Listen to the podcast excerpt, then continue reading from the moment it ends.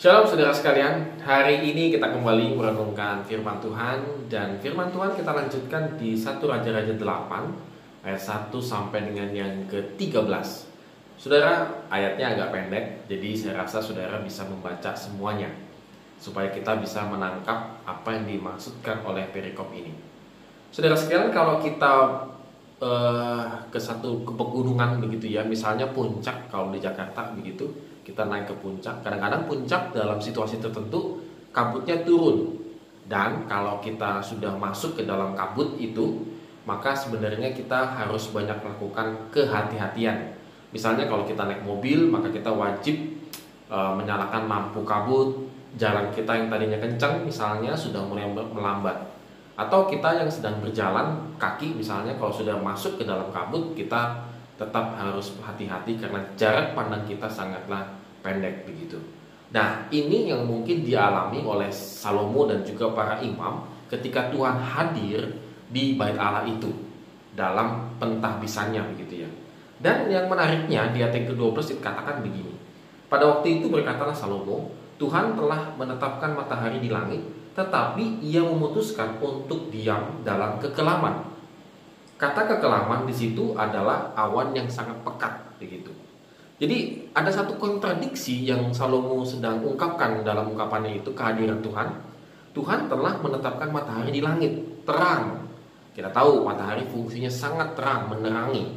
Tetapi Tuhan itu memutuskan lebih memilih untuk turun ke dunia ini dalam kekelaman. Maka otomatis kita akan berpikir, ini maksudnya nih Tuhannya nih Tuhan Tuhan dalam kegelapan bagaimana begitu ya.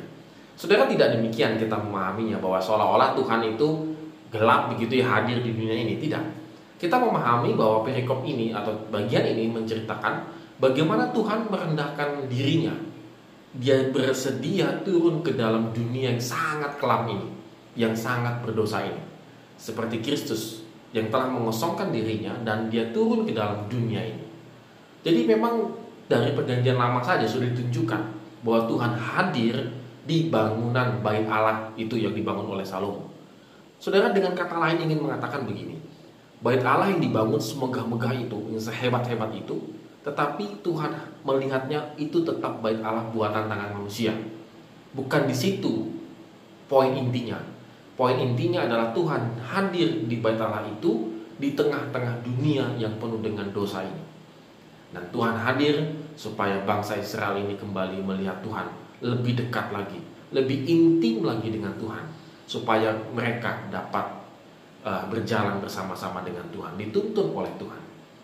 Saudara, saya rasa ini juga yang harus menjadi renungan bagi kita, bahwa Tuhan telah Tuhan Yesus Kristus telah hadir di dunia ini, menebus dosa kita yang kelam ini, saudara, supaya semata-mata kita lebih intim lagi dengan Dia, lebih uh, dekat lagi dengan Dia sehingga kita boleh berjalan melewati masa kehidupan ini bersama dengan Tuhan.